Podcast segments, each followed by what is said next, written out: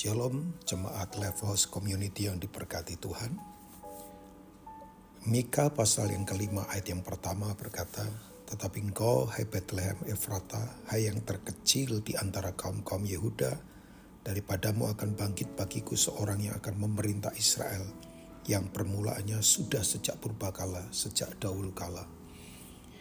Kalau kita membaca nubuatan ini, ini adalah nubuatan yang tidak terbantahkan Sebab kalau di Yesaya dikatakan bahwa seorang anak akan lahir untuk kita itu orang Yahudi membantah itu adalah nubuatan untuk Raja Yosia yang memang sangat populer selain Daud. Tapi jelas di nubuatan ini nubuatan yang langsung menyebut Bethlehem. Kata Bethlehem sendiri artinya rumah roti. Ya, Bethlehem itu disebut adalah daerah yang kecil. Ya, Bapak Ibu, tapi saya akan beritahu kita jangan menyepelekan hal-hal yang kecil atau kita jangan perkecil hati kalau mungkin kita punya fasilitas yang kecil atau koneksi kita kecil mungkin ya. Tapi yang penting adalah ketika kita hidup sungguh-sungguh mengandalkan Tuhan. Nah, Bapak Ibu yang luar biasa ya di Bethlehem ini itu muncul banyak pemimpin yang hebat. Ya salah satunya adalah order dari Mesias sendiri namanya King of David atau Raja Daud. Daud dikubur sebetulnya di Bethlehem. Tapi tahun 1000 kemudian dipindahkan ke Yerusalem. Tapi aslinya dia meninggal dan dikuburkan di Bethlehem. Nah, kenapa Bethlehem penting? Why? Ya, karena begini, di Bethlehem lah tak terbantahkan bahwa ada seorang perawan. Ya, sekali lagi seorang perawan yang tidak melakukan hubungan uh, seks sebagai suami istri itu melahirkan seorang anak. Jadi tanpa ada campur tangan dari manusia. Ya, dunia memang menganggap ini tidak tidak masuk akal. Tapi justru ya, ini yang saya mau katakan bahwa keperawanan Maria ya makanya disebut dengan dia adalah seorang gadis perawan, anak perawan yang memang belum pernah disentuh oleh seorang laki-laki. Itu akan menunjukkan siapa Yesus sesungguhnya. Karena ini perkara yang sangat mustahil. Mungkin buat orang yang berpikiran berpikiran logik, logis, ini hal yang tidak masuk akal. Tapi uh, satu kali ada sebuah penelitian ya yang dilakukan oleh seorang antropologi dan sosiologi dari Ukraina itu berkisar tahun 80-an dan itu masuk ke uh, televisi BBC.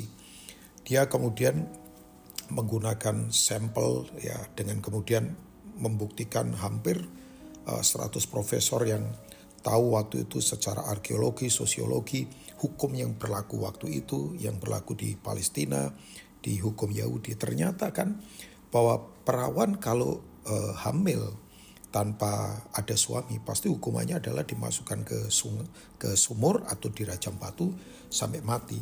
Nah, Makanya Bapak Ibu tidak mungkin buat Maria untuk lolos. Tapi ternyata ya bahwa Alkitab membuktikan Maria tetap bisa keluar. Karena apa?